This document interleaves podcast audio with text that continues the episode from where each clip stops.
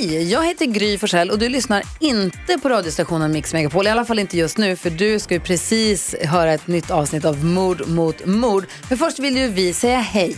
Hej, hej, det här är NyhetsJonas. Det här är Carolina Widerström. Och här är Gullige Dansken. Ja, och så Gry då. Och det vi vill säga att när du har lyssnat klart på den här podden, då får du gärna lyssna på våran. Vi spelar in ett nytt avsnitt varje morgon av våra podd Kvartsamtal. Och hela radioprogrammet blir ju också en podd om man är väldigt morgontrött eller så. Just det, om man missar morgonen ja. Men mest av allt så får du gärna lyssna på programmet i direktsändning varje morgon på Mix Megapol. Live varje morgon från klockan sex och då har vi med oss massor med vänner också. Thomas Bodström, Babben Larsson, Johan Pettersson, Krista Luuk. Massor med coola människor som bara dyker upp och gör livet bättre. Ja, som jag, Gullige Dansken. Exakt så. Och så mycket bra musik och annat skoj såklart. Så vi hörs när du vaknar på Mix Megapol. Podplay.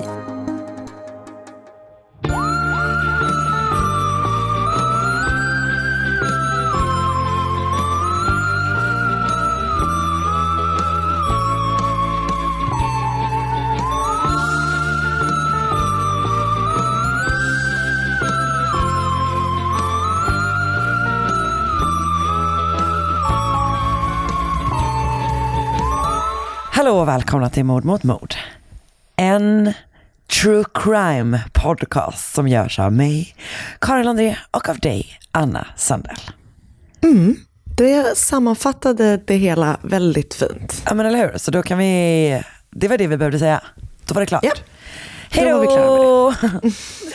Du Anna, vet du vad jag kom på? Nej, När vi släpper det här så är det mindre än en månad kvar. Tills, ja idag när vi spelar in på söndag så är det exakt en månad kvar till vår livepodd i Stockholm. är det är för läskigt? Japp. Men så man får ju, alltså det är, ja jag vet. Jag vet, det är, jätte, det är jätteläskigt. Och det kommer bli, Men nu gäller det att passa på att köpa biljetter. ja exakt. Du har ju planerat ett eh, ikoniskt Stockholmsfall ska du bjuda Det på. har jag. Och jag ska se lite grann vad jag ska bjuda på. Man kan få tipsa, önska fall eh, till det och även till andra. Jag skulle precis säga, det tycker jag man bara generellt kan starta och göra igen. Ehm, Har du känt att du eh, vill ha lite nya? ja, jag behöver lite inspo. Mm, jag fattar det. Eh, men eh, livepodsbiljetter på stauppbolaget.se blir jag osäker. Snedstreck mord mot mord. Så eh, både, där finns både till Göteborg 29 maj och eh, Stockholm 20 mars. Superbra. Super, superbra. Eh, hur mår du? Jag mår bra. Ehm, jag mår bra. Jag ehm, eh, mår bra. Hur mår du? Det låter så trovärdigt när man säger det tre gånger. Eller hur? Man blev- försöker övertala sig själv samtidigt som verkligen- man säger det. Det blir mer och mer trovärdigt för varje gång kan man säga.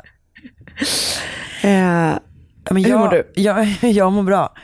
Ehm, vi hade liksom barnvakt för första gången så längre, lite längre. Vi har haft kanske typ några timmar här och där innan. Men nu Mm. var liksom första gången en liten längre period. Så jag var ute var inte det underbart? alltså det var så väldigt mysigt. Det var faktiskt väldigt, väldigt mysigt. Eh, så vi var ute och, jag var ute och käkade med några kompisar och sen så kom Marcus efter jobbet, han gör sin föreställning nu. Så att det var, det var faktiskt urmysigt. Det var också urmysigt att komma hem sen. Så att, eh, men så jag är lite, lite trött idag helt enkelt. Jag fattar. Jag fattar. Vi, eh, så kan det ju vara ibland, Nej, men, att man är lite trött. att man är lite trött. Klockan är ändå åtta på en söndag morgon. Mm. Precis, vi, vi har en, ehm, en eh, det är precis, det är, en, det är ju lite annan, vi- har ju anpassat oss efter mitt schema den här veckan och det uppskattar jag jättemycket. Men vi släpper som vanligt. Ja, vi släpper som vanligt men vi har lite sån mysig morgonstämning. Jag poddar Mm. från sängen till exempel. Mysigt. Känns toppen. Känns verkligen toppen. Ehm, har du... Något eh, annat spännande som har hänt i livet? Gud, putting me on the spot man. Verkligen. Gud, men jag började liksom maniskt söka efter något spännande som har hänt i livet och gud vad det typ inte kändes som jag hade något. Eh, vi har plöjt igenom den här svajiga Anna Delvey Netflix-serien. Eh, alltså den är ju, jag vet inte, det är ju märkligt att det blev som det blev med den på Ja. något sätt. Och när jag säger så så menar jag, vi, alltså jag tyckte ändå att den var toppen, men den var ju toppen på ett bra slash dåligt sätt om du fattar vad jag menar. Den var liksom dålig på rätt sätt helt enkelt. Eh, men vi, vi, vi såg ju ändå, det var ju liksom nio en timmes avsnitt typ. och det var mycket liksom så, du vet weird overacting och, och, och sådär. Men det var verkligen, verkligen ändå otrolig. Ja, Ja, jag, må, jag känner att jag måste se den. Ja. Så mycket man måste se nu bara känner jag. Ah, Hur stressigt. ska jag hinna med det? Nej. Hur ska du hinna med det? Nej, det blir Nej, jag får mig. ta en veckas semester. Och bara kolla på tv. Din dröm. Alltså för fan, det är min största dröm. Hela Men veckan. jag, vet, jag tror jag ska vänta med det tills vi äntligen har fått flytta in i vår lägenhet. Då ska blir det då tv-semester. Jag, alltså jag skulle, jag skulle typ vilja, då skulle, jag skulle vilja ta en vecka och titta på tv och pyssla hemma. Ah. Förstår du vad jag menar? Fan vad du har bott länge tillfälligt på Lidingö nu. Åtta månader. Mm. Oh my, är det så? Alltså, eller inte riktigt, men vi sålde vår lägenhet i juni. Ah. Och så flyttade vi ju in där i augusti, för vi var ju borta hela sommaren. Så augusti till nu då. Lika länge som jag har haft mitt barn Ja, typ. har du bott på Lidingö. Mm. Hon är fan stor Nej, nu. det- Det är fan lång tid. Det är fan lång tid alltså. Men snart ska du få flytta in i din Men- lägenhet och då blir det tv-semester. Jajamän. Japp, fan vad Längtar. Ja. Men har, du, har, du, har du nej. hunnit se någonting? Mm, alltså helt off topic, men vi började titta på Love is blind säsong två igår. Var det toppen eller? Alltså det är toppen. Ja, jag vet. Jag fastnade typ inte riktigt för säsong ett, så nu går vi med bara rakt in i säsong två. För att vi är ju hälsar på min syster i London och hon är, Gallen. jag ska inte säga besatt, men nästintill. um, så, så då så tänkte jag så här, och det ösregnade igår såklart, så då så låg vi hemma på eftermiddagen och kollade lite. Och Vänta, så då- du är redan på din tv-semester? Alltså, Lite men, grann. men jag vill vara på tv-semester när eh, Sigrid är på förskolan och eh, Oskar är på jobbet. Jag fattar. Du vill ha, Eh, jag vill ha tvn för mig själv. Men det är fan toppen. Ehm, det är så sjukt. Och alltså, eh, vi gråter ju till allt på tv i vår familj. Även så kom det tårar även igår när vi tittade på Love is blind två gånger. hur många avsnitt såg du? Eh, tre såg vi. Ja. Så då hann de komma ut? Nej? Alltså några, alltså nej de har inte kommit, eh, no, det, är liksom, det är några som har valt varandra. Ja, säger. men de inte, och så de har träffats då? Exakt. Ja, Jag såg Och ju så till och med sys- Love is blind Brasilien också. Ja just det, just det, just det. Eh, Så. Men det är kul när man är så. Hon- Min syster igår, vi var ute åt middag ganska tidigt för barnen och sådär, allting såklart. Så var det typ att hon bara, åh så skönt, man kan bara kasta sig hem sen och kolla på ett till avsnitt när det är så här tidig middag. Det är verkligen Så inte närvarande i stunden. längtar hem. Men hur är det mysigt, är det eh, utöver det då mysigt att vara i London? Har ni, Väldigt mysigt. har ni en storm? Eh, Det var Eunice eh, när vi landade. Stormen är det stormen? Eunice. Ah, Okej, nu är du Eh. verkligen, ni är så nära. Eh, men det har, alltså, det, eh, jag tror att de har liksom trott att det skulle bli mycket värre. För att på nyheterna här så har de sagt att det skulle vara den värsta stormen sedan 1987. Ah. Och eh, den, den upplevde min systers mans pappa, berättade han om då när vi träffade dem i fredags. Eh, och, eh, men det har varit, inte varit så farligt. Så Det, det har var, blåst skitmycket, men det Ah. har liksom inte varit så mycket värre än så. okej, synd för annars hade ni kunnat vara hemma och kolla på Love is blind. Mm, Ännu sant. mer. Ännu mer. Mm. Nej, men det är väldigt mysigt att vara i London, måste jag säga. Ah. Underbar stad. Nej men vilken, vilken metropol. är man sugen på en London weekend? Det får man lov att säga.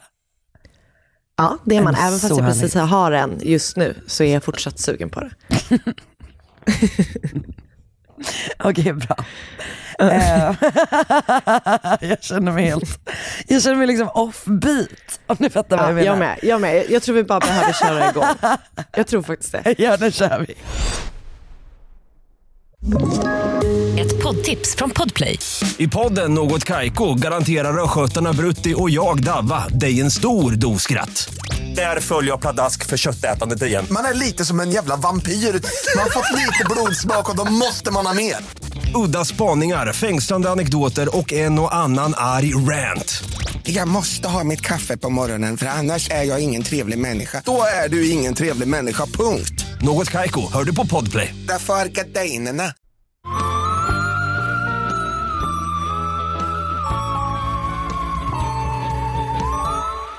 Hyung Sang Cha och Jung Sun Cha växte båda två upp i Manchuriet, alltså, vilket är då en region i nordöstra Kina som gränsar till Sibirien och till eh, Korea. Eh, och, eh, eller, ja, Korea, men vid den här tiden när de växer upp så är det Korea helt enkelt.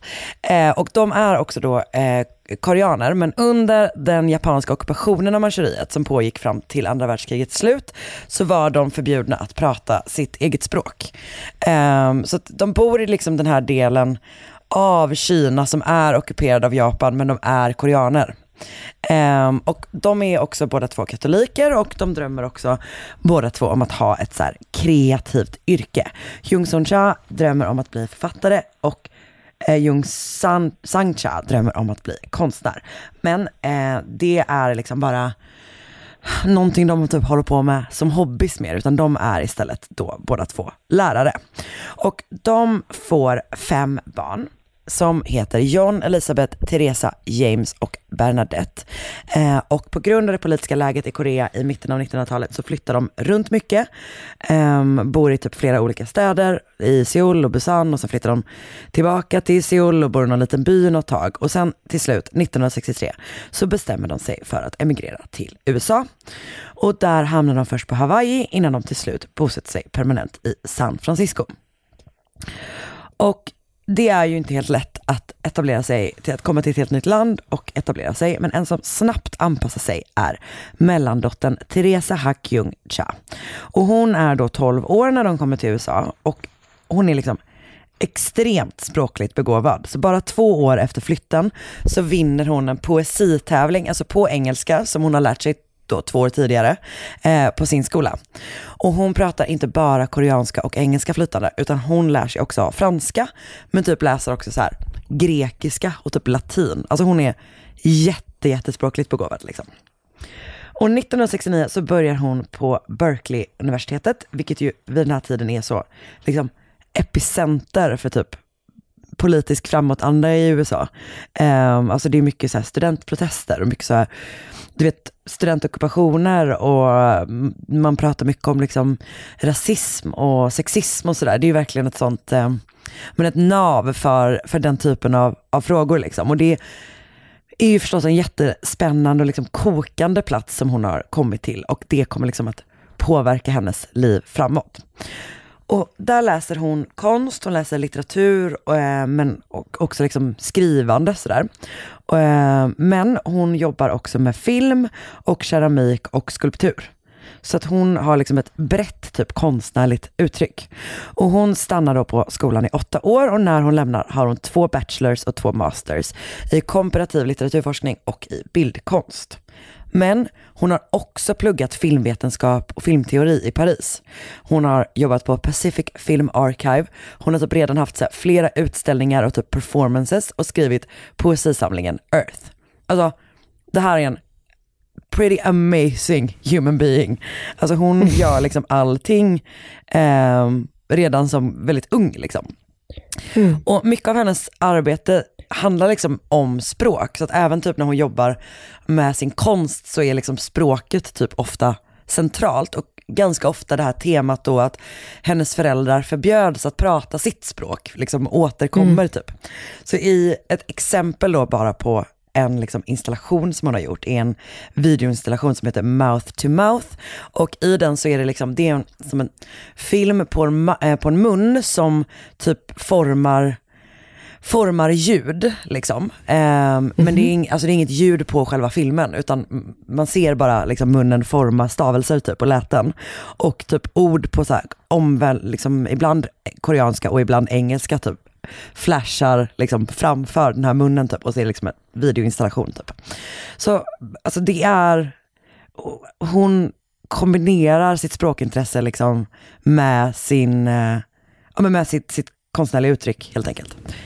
Och på Berkeley så träffar hon fotografen Richard Barnes och blir kär i honom. Så tillsammans flyttar de 1980 till New York och bosätter sig i Soho. Och vid den här tiden så är ju New York liksom en väldigt brutal och typ våldsam stad, men det är också en väldigt spännande typ stad konstmässigt. Och Soho känns ju väldigt mycket liksom så, som att det typ är ja, men den centrala punkten för det, eller vad man ska säga. Så att hon, de blir liksom del av någon slags konstscen där och hon jobbar vidare med alla sina uttrycksformer. Du vet hon så här, reser till Sydkorea och Japan och typ påbörjar någon film. Hon gör så här performancekonst, hon skriver. Um, och hon och Richard har det extremt tufft ekonomiskt som struggling artists kanske ganska ofta har.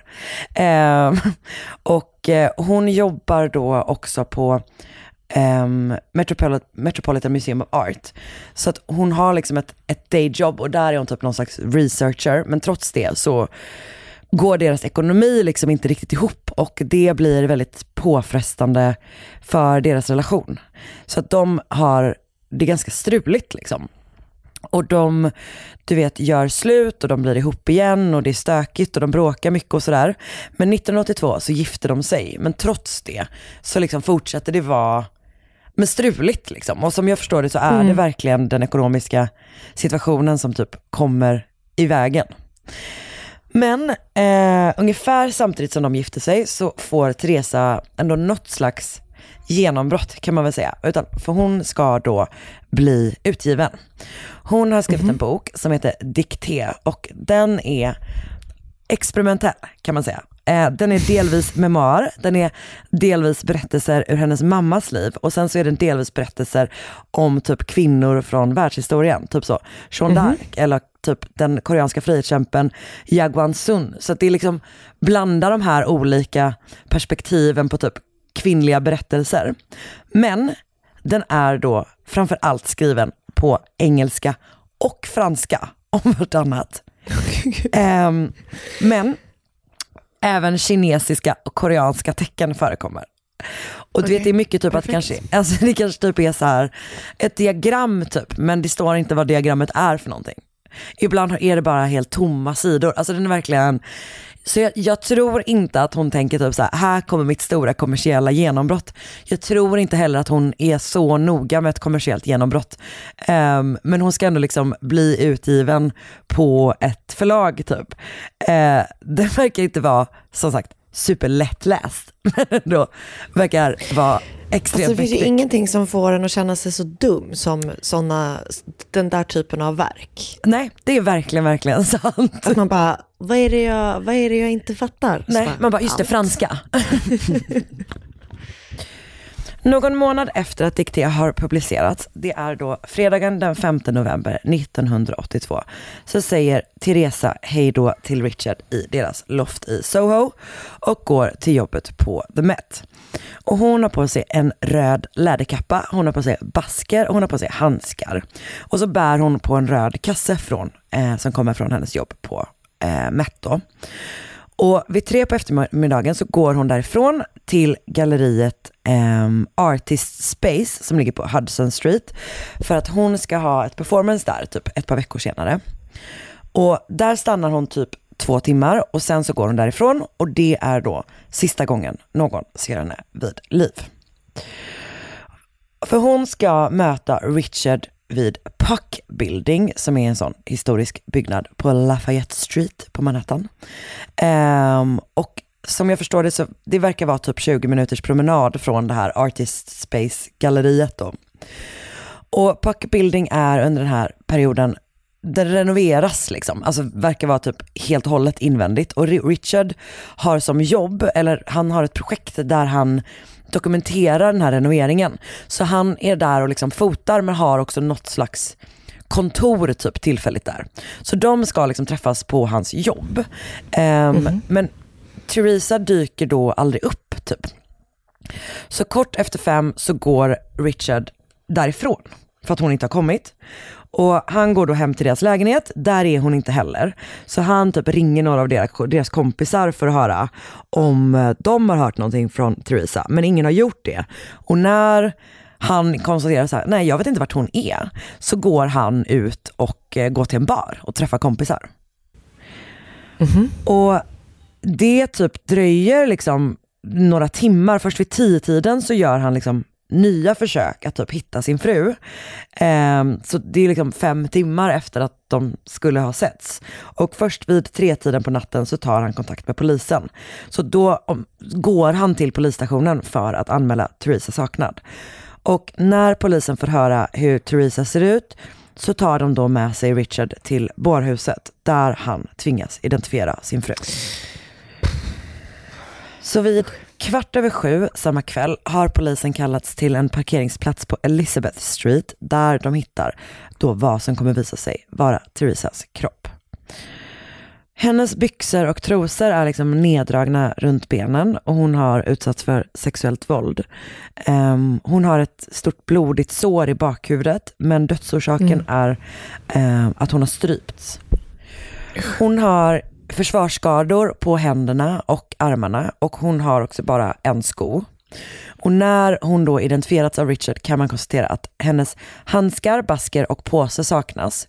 Hon har kvar sin klocka på armen men hennes vigselring saknas. Och de har liksom specialgjort sina vigselringar. Så hon har en svart sten i mitten och en röd på vardera sida och han har tvärtom. Så att han har liksom en röd sten i mitten och svarta på vardera sida. Och eh, på hennes finger så ser det ut som att någon liksom har, alltså hon har ett litet sår på fingret som att någon typ har ryckt av ringen. Så uppenbarligen blir då polisen misstänksamma mot Richard. Eh, både då för att de har haft en, som sagt, en ganska stökig relation.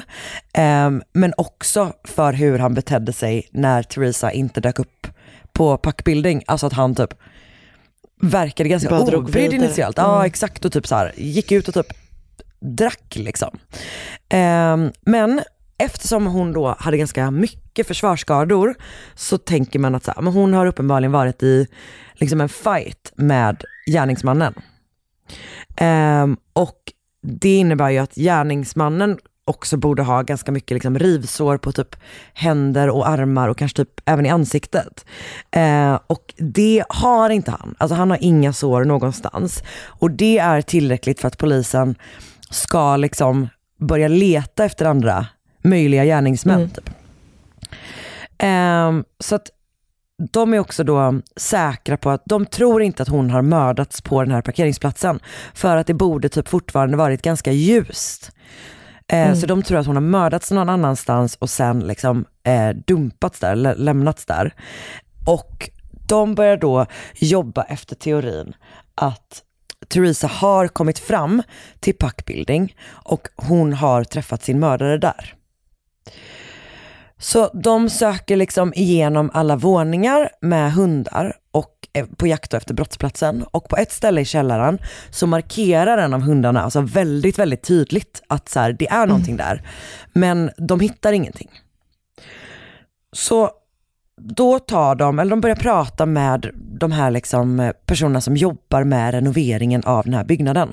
Och snart så träder då en man fram, en rörmokare som säger att hans systers pojkvän, som också jobbar i huset, har betett sig konstigt fredagskvällen den 5 november.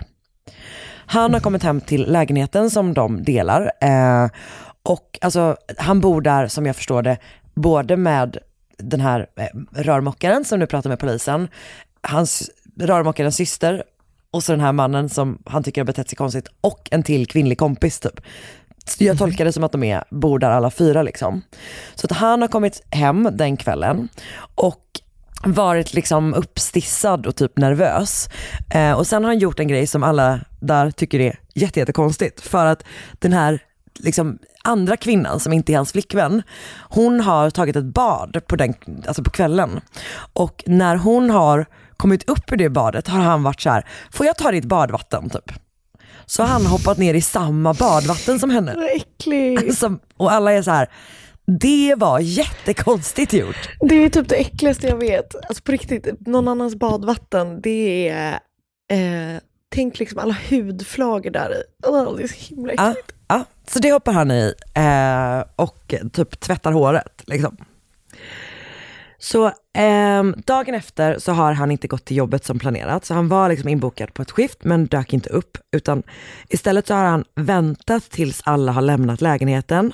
Och sen har han stulit smycken och pengar och sen har han dragit därifrån. Så man håller ju med honom i det här att han tycker att han har betett sig konstigt. Eh, för att han rakt av har typ så stulit från sin tjej och försvunnit spårlöst. Och när de pratar med rörmokarens syster så berättar hon att hon har noterat att hennes kille har haft en ring på fingret den här fredagskvällen. En ring som hon aldrig har sett innan. Och när hon beskriver den så låter det väldigt mycket som Theresas vigselring. Och den här mannen som har betett sig så här konstigt heter Joey Sansa och han jobbar som vakt i Puck Building. Och det visar sig också att han har haft tillgång till en van under tiden för mordet. Eh, eller under den tiden man tror, liksom under den luckan där. Och dessutom så finns vittnen som har sett honom med en röd påse den här fredagskvällen. Eh, vilket ju var liksom vad Theresa bar på då. Och när man, gör en, eh, när man börjar kolla upp honom så visar det sig att han har ett brottsregister sedan tidigare och är misstänkt för flera sexualbrott i Florida. Men ingen vet då var han är och polisen vet inte heller var mordet har begåtts. Och för Theresa så är ju det liksom, alltså för Theresas familj så är det förstås extremt frustrerande. Eh, De upplever att så här, ja de har en misstänkt liksom och de tror att de vet vad det är men ingenting konkret typ.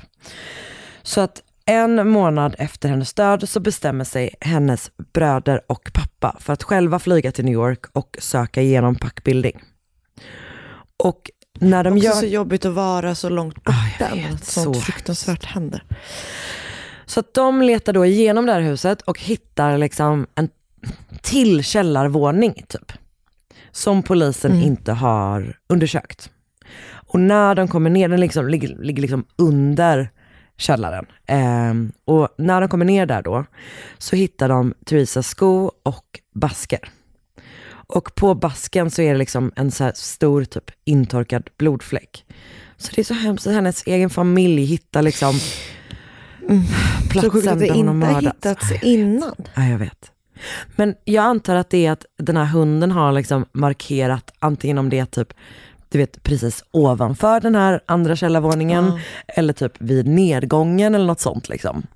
Ehm, jo men så sex månader senare så grips Joey Sansa i Florida för han har då begått ytterligare en våldtäkt. Och då åker New York-polisen ner för att förhöra honom, men han nekar till allting. Men de visar honom då en bild på Theresas ring och på, enligt polisen då, de upplever att han liksom reagerar ganska starkt på det. Typ. Att de är så här, det är lite som att de säger att hans typ så, ögon var på väg att poppa ur huvudet på honom. Typ. Um, och att han typ även säger till sin advokat att han inte vill prata mer efter det. Så att han liksom, han, han erkänner ingenting och de typ försöker typ kolla på pantbanker efter den här ringen och sådär men ingenting ger någonting liksom. Men Joey Sansa kommer då att dömas för tre våldtäkter och 12 fall av sexual battery i Florida. Och han får livstidsfängelse för det. Men det som är, är att ingen av de här våldtäkterna egentligen liknar mordet på Theresa. Samtliga har skett i offrens lägenheter och han har också hotat sina offer med pistol. Och han har, vilket det här är jätteäckligt, han har varit väldigt liksom artig under våldtäkterna. Och bland annat då sagt att han vill make love med sina offer. Nej. Och det har gett honom det vidriga, vidriga smeknamnet i media, the gentle rapist.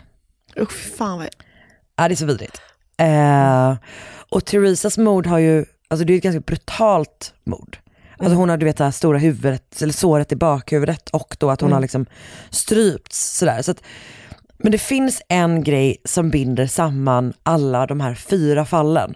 Och det är att Joey Sansa har stulit ringar från Okej. alla de här tre kvinnorna som han har våldtagit. Och i några fall, något fall så är det från, direkt från fingret och i andra från du vet, en, liksom ett smyckeskrin. Typ. Men han har ändå tagit ringar. Så att mördaren sitter då i fängelse på livstid, men man vill självklart genomföra rättegång i New York ändå. Eh, och det ska visa sig vara svårt för att det är ju alltså verkligen ett fall som bygger på indicier. Eh, och de två första försöken slutar med mistrial, men vid det tredje, den tredje rättegången så vittnar Joey Sansas flickvän. Och hon säger då att han har sagt till henne att han har, du vet så, gått för långt den här gången och typ råkat mörda någon. Och efter det vittnesmålet och fem år efter mordet på Theresa så döms Joey Sansa 1987 till 25 år till livstidsfängelse. Och det innebär då att om han någon gång skulle släppas från fängelset i Florida så skulle han då direkt få sitta av sitt straff i New York. Okej. Men eftersom han aldrig har erkänt så vet man ju liksom inte riktigt vad som hände. Men polisens teori är att Theresa då kom till Puck Building för att möta Richard eh, och hon gick in via en dörr som Joey eh, Sansa hade som, alltså det var där han liksom vaktade typ. Alltså han hade liksom ett bord, han satt vid en ingång till byggnaden. Och man tror då helt enkelt att han typ så, bara sett sin chans typ. Uppenbarligen är det en människa som inte har några problem att, liksom, eller som, som våldtar folk on a regular basis typ. Ehm, så att man tror att han har tvingat ner henne i källaren och försökt våldta henne. Men hon har typ tränat en del kampsport och har nog antagligen gjort en hel del eh, motstånd. Och det tror man då har gjort att han har eskalerat och att det har lett till att han har mördat henne. Det är så konstigt att han kan tvinga ner henne i källaren liksom mitt på eftermiddagen. Ja, och jag vet inte heller, alltså jag vet inte, som sagt de andra morden har han ju haft, eller våldtäkterna har han ju haft pistol, men det verkar inte som att man har någon teori om att han haft med sig det då. Ehm, man tror att det här såret i bakhuvudet eh, kan, han hade batong. Såklart. Så att man tror att han kan ha använt den till det. Eh, men jag vet, alltså som sagt, det är det som är så jävla störigt när de inte kan berätta vad som hände. Eh, för att man vet inte liksom. Efter mordet på Theresa så flyttar Richard från New York och han gifter typ om sig ett par år senare. Och för Theresas familj så blir liksom hennes konst typ ett sätt att ja, men som fortsätta ha kontakt med henne.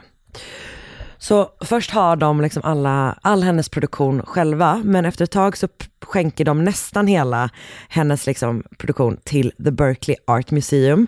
Så de har liksom hand om hennes verk typ. Och Theresa Hack Jung-Chai, kanske typ, hon fick då liksom aldrig ett stort genombrott under sin livstid. Och hennes, det här fallet blir typ inte heller särskilt uppmärksammat eh, vid tiden, alltså när det hände heller. Och det finns ju massor teorier om att så här, eh, att det kanske typ hade att göra med att hon var liksom invandrare, att hon var, eh, hade asiatiskt ursprung. Hade det varit en liksom vit konstnär så kanske det har varit en annan sak. Ehm, så att på senare år så har hon liksom, hennes konst fått en hel del uppmärksamhet och hon har haft typ utställningar, eh, eller har, den har visats runt om, eh, runt om i hela världen. Och den här boken då, Dicté, är liksom en del av undervisningen på flera amerikanska universitet. Både som liksom ett banbrytande litterärt verk, men också, du vet, för sitt sätt att typ berätta historier om kvinnor typ. Och sen så är det också typ så att flera tongivande alltså amerikanska, asiatiska författare har liksom nämnt Theresa som typ en föregångare, typ en inspirationskälla, någon som verkligen har så inspirerat dem att berätta sina historier. Typ.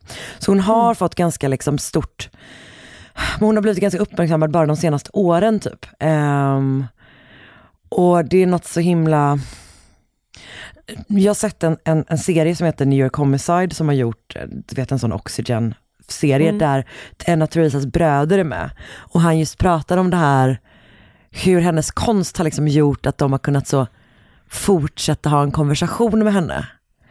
Ehm, och att det är något så, så starkt i det, att det liksom har varit en sån men ett, en, en tröst i allt det här vidriga, vidriga, vidriga, att hon liksom, det har funnits så mycket av henne att typ ta del av ändå liksom. Eh, vilket jag tyckte var så Det är himla fint. ja, fint och sorgligt och starkt på något sätt. Så jag har då sett den här serien, som sagt, New York Homicide, det är säsong 1 avsnitt 7. Det heter Slade in Soho och finns på, jag har sett det på Hayu, men det är en sån Oxygen eh, serie. Och jag har också läst de där avsnittet på oxygen.com. Jag har läst New York Times Overlooked No More, Teresa Hack Kyung-chai, artist and author who explained Explored Identity. Den är skriven av Dan Saltstein och sen har jag också läst Art slash Architecture, Theresa Cha, In Death Lost and Found av uh, Amey Wallach som också är på New York Times. Jag har läst The Nations artikel A Kind of Blueprint, The Radical Vision of Theresa Hakyung Chais dikté av Mayuk Sen. Och sen så har jag läst rättegångsdokument från den där Joey Sansas försök att överklaga sin dom och även då om både Theresa och om dikté på Wikipedia. Wow. Så det var det. Um, om mordet på Sorgligt. Teresa Hack Kyung-cha. Hon, verk, alltså, hon verkar ha varit så jävla cool. Alltså det är verkligen en sån person som man bara, ja. Som du säger, typ, man bara, ja jag är ju en idiot. Så ofta man känner så ändå. Ja, det är verkligen, verkligen sant. Ett poddtips från Podplay. I podden Något Kaiko garanterar östgötarna Brutti och jag, Davva, dig en stor dos skratt. Där följer jag pladask för köttätandet igen. Man är lite som en jävla vampyr. Man har fått lite blodsmak och då måste man ha mer. Udda spaningar, fängslande anekdoter och en och annan arg rant. Jag måste ha mitt kaffe på morgonen för annars är jag ingen trevlig människa. Då är du ingen trevlig människa, punkt. Något Kaiko, hör du på Podplay. Därför är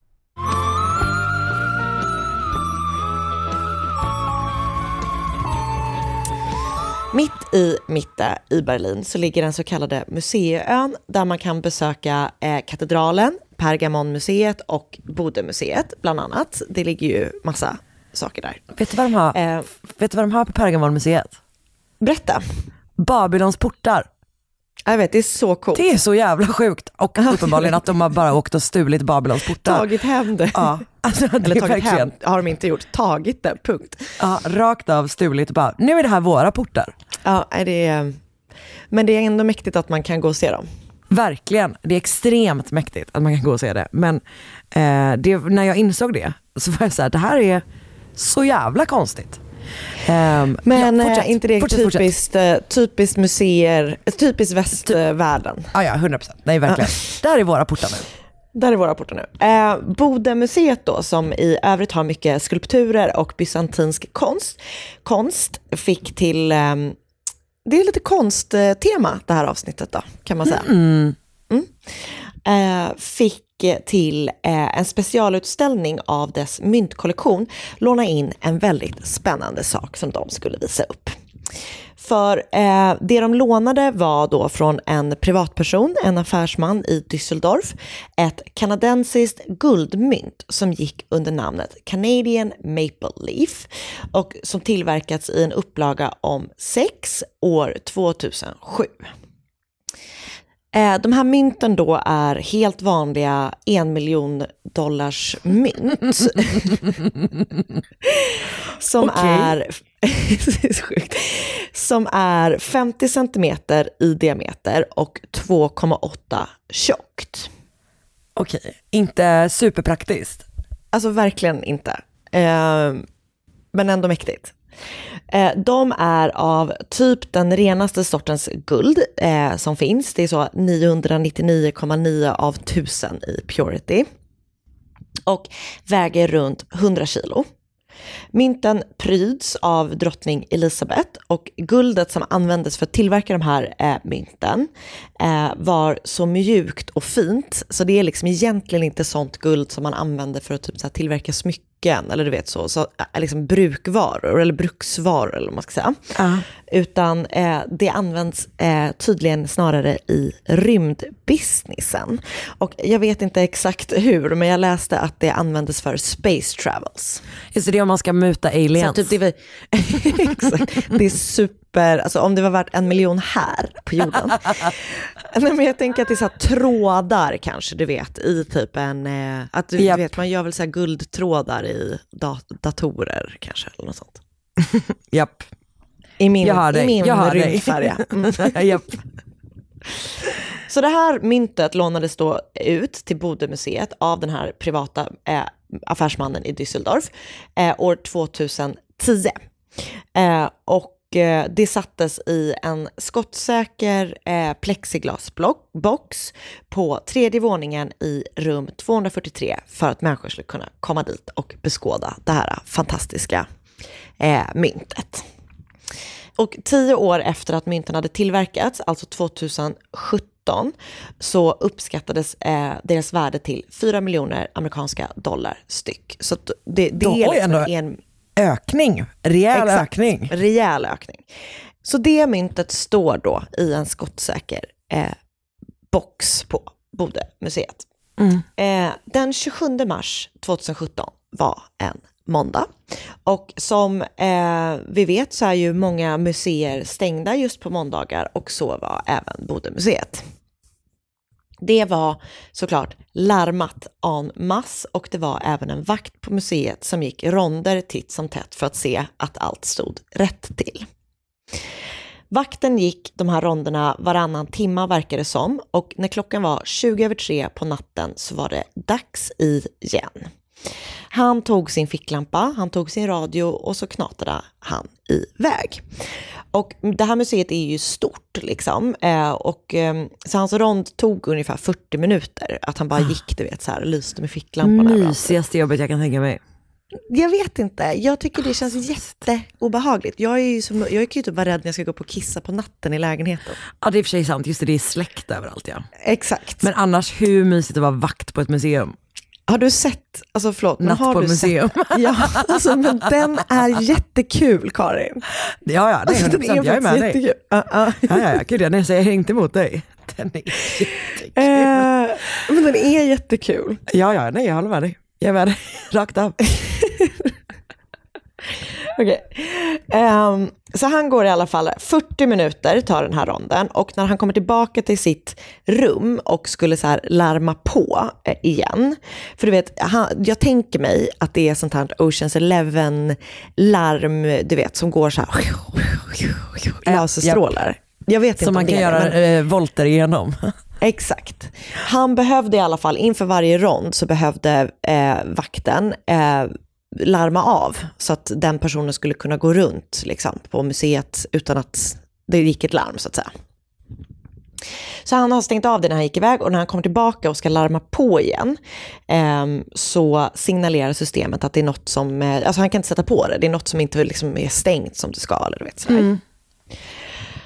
Och systemet signalerar då att det är några dörrar på våning tre som inte är stängda som de borde vara.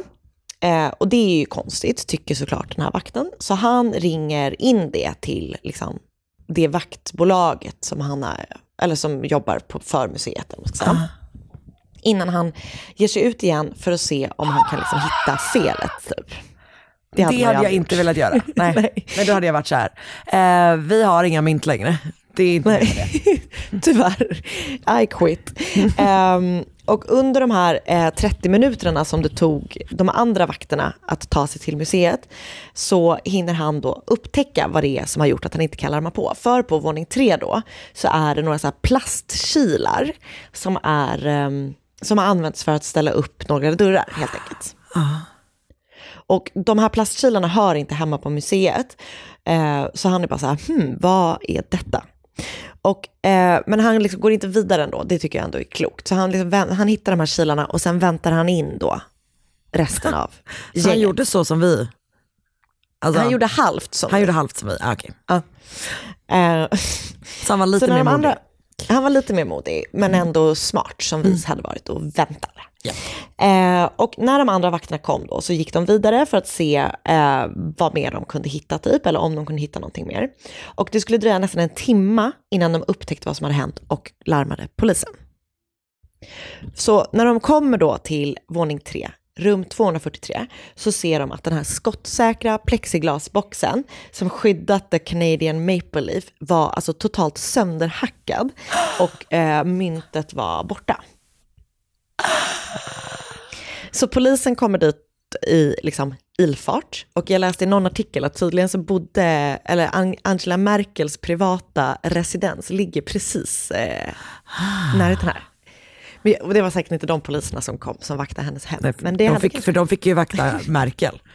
Exakt. Hon sover De- också i en sån låda. Ehm, och först så är de så här, kan tjuven eller tjuvarna vara kvar inne i museet? Men de inser att så inte är fallet. De börjar liksom ta sig runt in i museet. Alltså det här myntet då som de har snott väger då 100 kilo vill jag bara igen understryka. Så det är ingenting man bara stoppar i väskan och liksom går vidare i livet med. Men eh, de inser då att så här, okej, eh, de är inte kvar inne på museet. Och de går runt och så inne i eh, omklädningsrummet för eh, de, liksom herromklädningsrummet för de som arbetar på museet, så hittar de ett trasigt fönster.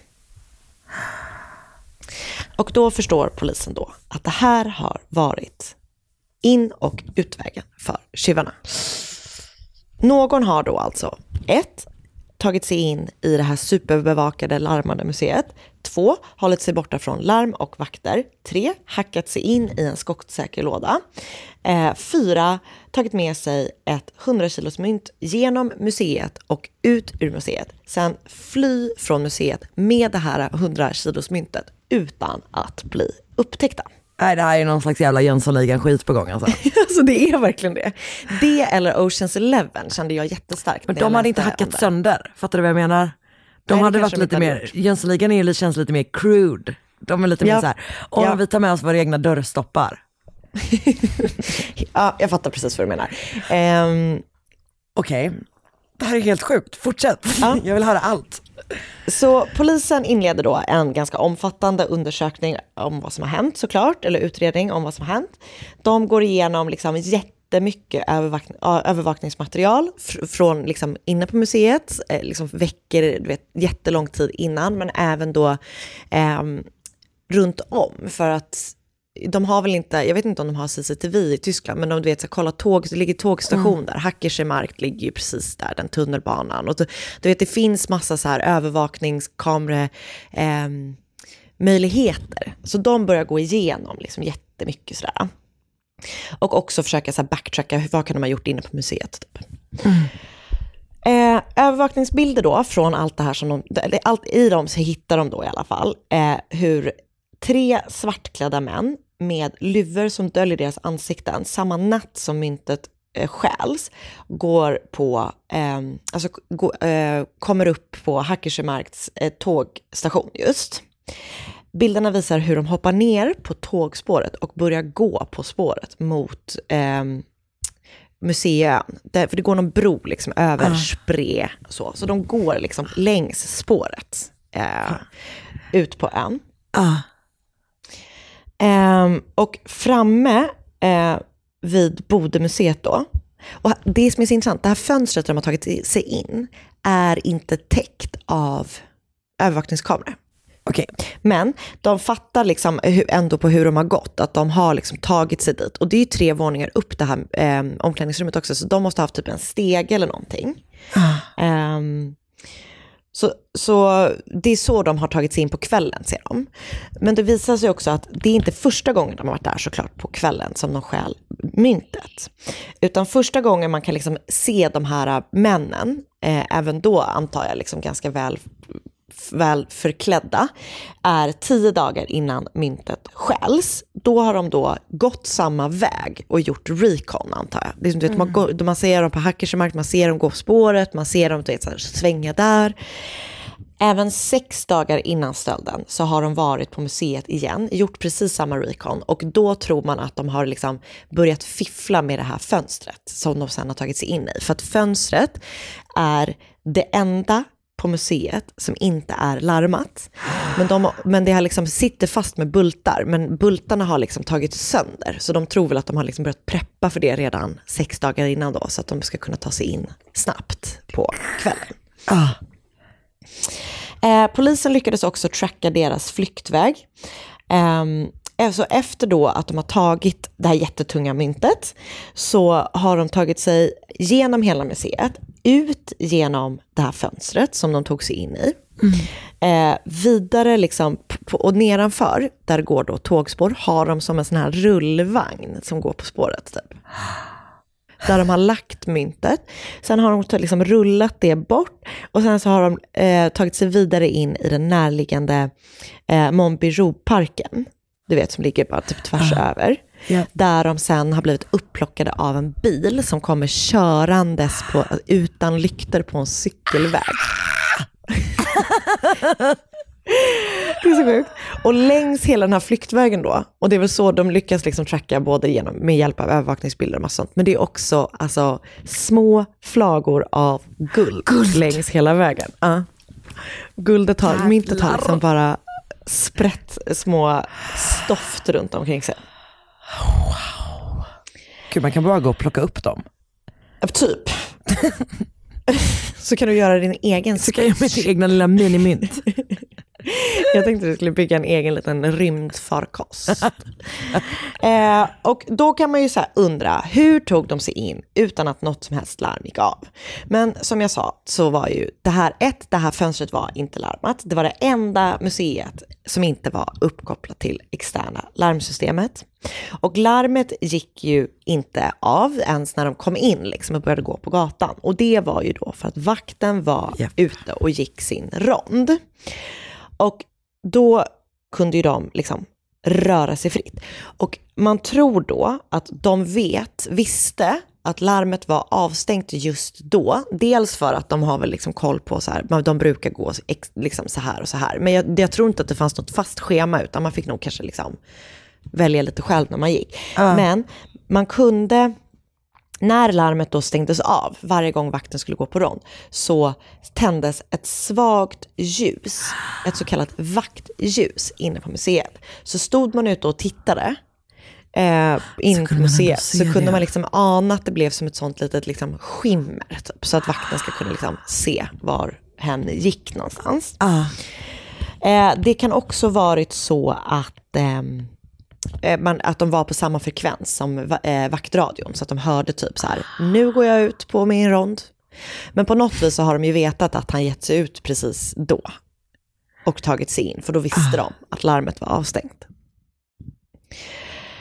Ehm, och sen då så uppstår det ju såklart massa andra frågor. Vilka är tjuvarna som lyckats bryta in på det, liksom, ett museum av den här kalibern, men sen då ändå struntat i att stjäla en massa annan jättevärdefull eh, och spännande konst.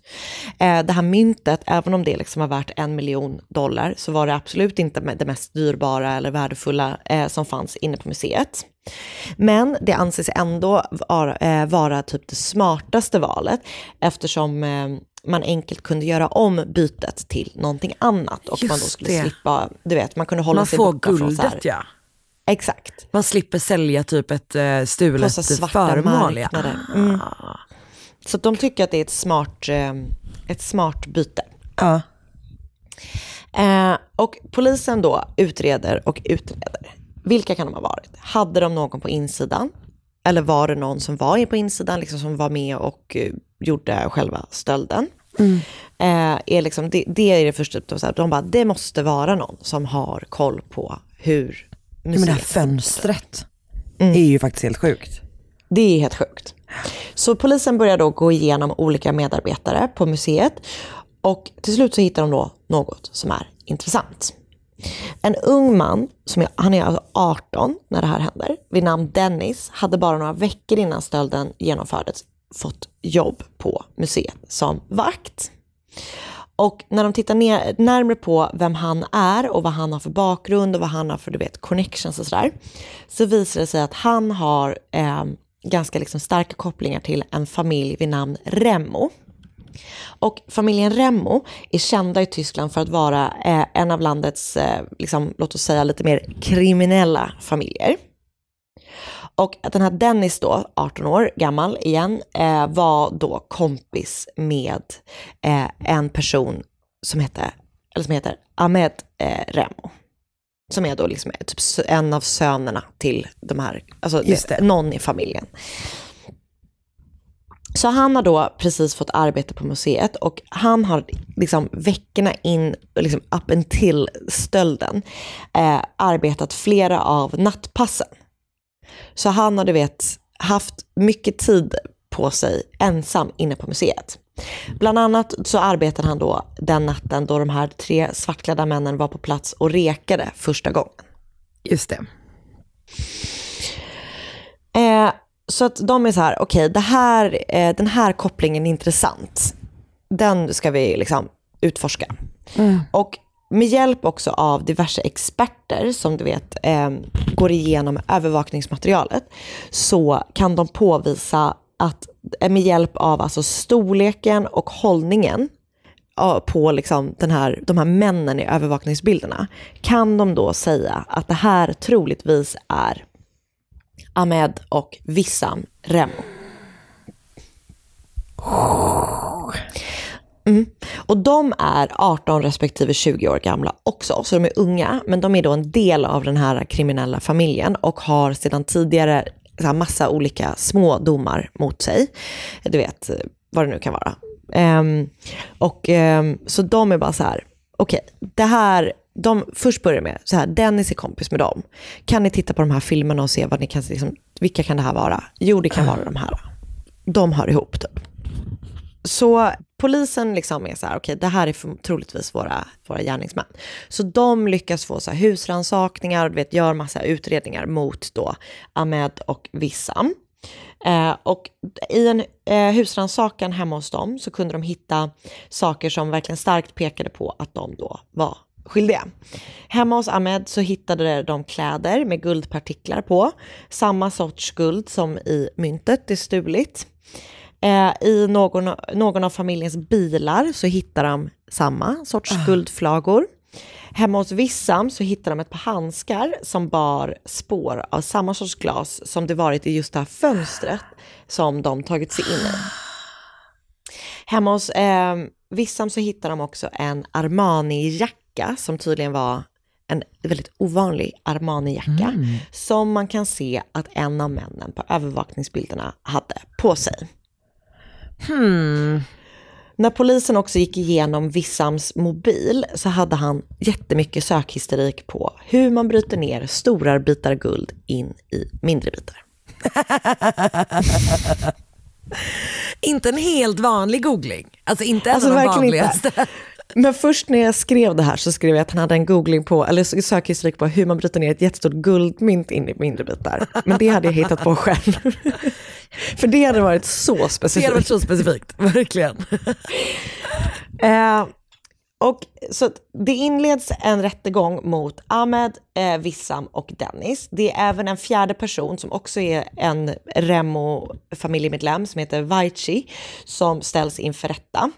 Och den här Vaichi då blir frikänd på alla punkter eftersom han inte riktigt kan kopplas till kvällen. Man tror att det är han som är den tredje personen. För det är, det är alltså Ahmed och Wissam på övervakningsbilderna, men det är inte Dennis, utan det är en tredje person som man inte kan identifiera. Så Dennis har troligtvis bara liksom gett dem och det var inte Dennis som jobbade den kvällen heller, eller hur? Exakt, nej. Så han har förmodligen liksom bara, du vet, gett dem all information de behöver, men han har troligtvis inte varit med i själva stölden. Så man tror att det är då den här tredje personen ur familjen som har varit med, men han kan inte kopplas konkret till kvällen. Så han blir då friad. Eh, och polisen försökte så här ganska länge, du vet, man hade så massa olika så här högteknologiska saker som försökte så här, kan man visa att det är han? Men det kunde man inte. Så han blev frikänd. Och eftersom Ahmed, Wissam och Dennis alla har då varit mellan 18 och 20 år när stölden begicks så prövades de i rätten som ungdomar. Dennis dömdes till tre år och fyra månader i fängelse och till 100 000 euro i böter. Ahmed och Wissam dömdes till fyra och ett halvt år i fängelse eh, och böter som motsvarade det uppskattade värdet på myntet då, vilket var 3,3 miljoner euro. Ja, eh, de överklagar alla domarna, men eh, i nästa instans så fastställdes bara domen mot alla tre. Och ehm, jag vet, som jag förstår det så sitter ingen av hela tiden, men jag vet inte exakt när de eh, släpptes. Ehm, det verkar som att de, jag, jag, liksom inte, jag hann inte läsa om det, men det verkar som att de har varit involverade i en annan konststöld i Dresden också. Var, alltså ganska nyligen. Men och myntet har ännu idag inte återfunnits och man är ganska säker på att de direkt när de hade stulit det, hittat det har jag skrivit det här. De bara, kolla vad vi hittade. Vad vi hittade När vi bröt oss in på det här museet och hackade upp den här Exakt. lådan. Eh, man är liksom ganska säker på att de direkt efter att de har stulit det smälte ner det då, eller liksom gjorde mindre bitar av det och sålde vidare guld på något vis. Så det har aldrig kommit fram, man har aldrig hittat det. Nej, nej. Så det fanns sex sådana här mynt, nu finns det då fem i hela världen. Jävlar. Så sjukt. Vilken jävla det är något- historia eller? Alltså det är så sjukt. Och ehm, jag skulle vilja veta så himla mycket mer. Eh, men det var lite svårt att hitta. Men, alltså, ja. Eh, Jag ser fram emot vill liksom- filmen. Exakt, man vill typ se en film. Mm. Det är man precis det. verkligen. Uff. Eh, jag har läst The Bumbling Thieves Who Stole an Enormous 4.3 million gold coin- from a Berlin Berlin muse Museum and probably melted it down are heading to prison av Taylor Defoe på artnet.com. Jag har läst The Break-In at the Bode Museum and the Case of the Gigantic Gold Coin av Stefan Koldehoff och Tobias Tim på eh, vad heter den? crimeread.com. Eh, Berlin Gold Coin Heist, Three Sentence to Jail på eh, devw.com. Journalist okänd, där har jag läst några andra olika artiklar. Eh, Berlin Police Raid Homes and Shops over Theft of 100 kilo kilo. Jag tror på dig, jag tror på dig. Gold, go, gold coin på The Guardian. Och såklart lite olika Wikipedia-sidor. Hej då, det, där det gick inte bra för mig. Vilken jävla grej. Sjukt, eller hur? Ja. Toppen historia. Alltså fruktansvärt jättedumt. Och man ska inte stjäla ett jättestort guldkorn. Guldkorn, Nej, jag kan inte men- säga guldkorn. Men det kändes så Kalle Anka Jönssonliga-aktigt. Du har verkligen rätt i det. Ja, och i mitt huvud när de ser dem på CCTV eh, så är det, du vet, alltså då ser jag framför mig som Jönssonligan silhuetterna. Fattar du vad jag menar? Ja. Så ser det verkligen ut i mitt huvud. Jag förstår dig. Jag håller med. Vad sjukt. Eh, ja, eller hur? Men en fråga. Mm. Var det här fönstret på tredje våningen med? Ja, som jag förstår det. Ja. Tänk när de skulle få ner det därifrån. Ja, så högt. Men de, jag tror typ att de slängde ner det bara. Ja. Och så landade det på den här vagnen. Alltså det är ju mjukt guld. De skulle ju ändå ha sönder det. ja, det hade vi sett på googlingen. Vad sa du? Eh, jag sa att de skulle ha sönder det hade vi ju sett på googlingen. Mm, Det exakt. vet vi ju. Du, tack så jättemycket. Det där var fan en helt sjuk historia. Ja, men Som jag själv. aldrig hört talas om och som jag verkligen uppskattade att få höra talas om. Vad kul Karin. Tack för det. Men du, Och tack jag, till er. ja, tack till er och jag tycker att nu skickar vi ut dig Anna, rakt ut i din sista underbara dag på Londons torg och gator. Tack för det. Tack. Adjö. Ajöken, adjö. Ett poddtips från Podplay. I fallen jag aldrig glömmer djupdyker Hasse Aro i arbetet bakom några av Sveriges mest uppseendeväckande brottsutredningar. Går vi in med hemlig telefonavlyssning och, och då upplever vi att vi får en total förändring av hans beteende. Vad är det som händer nu? Vem är det som läcker? Och så säger han att jag är kriminell, jag har varit kriminell i hela mitt liv men att mörda ett barn, där går min gräns. Nya säsongen av Fallen jag aldrig glömmer på Podplay.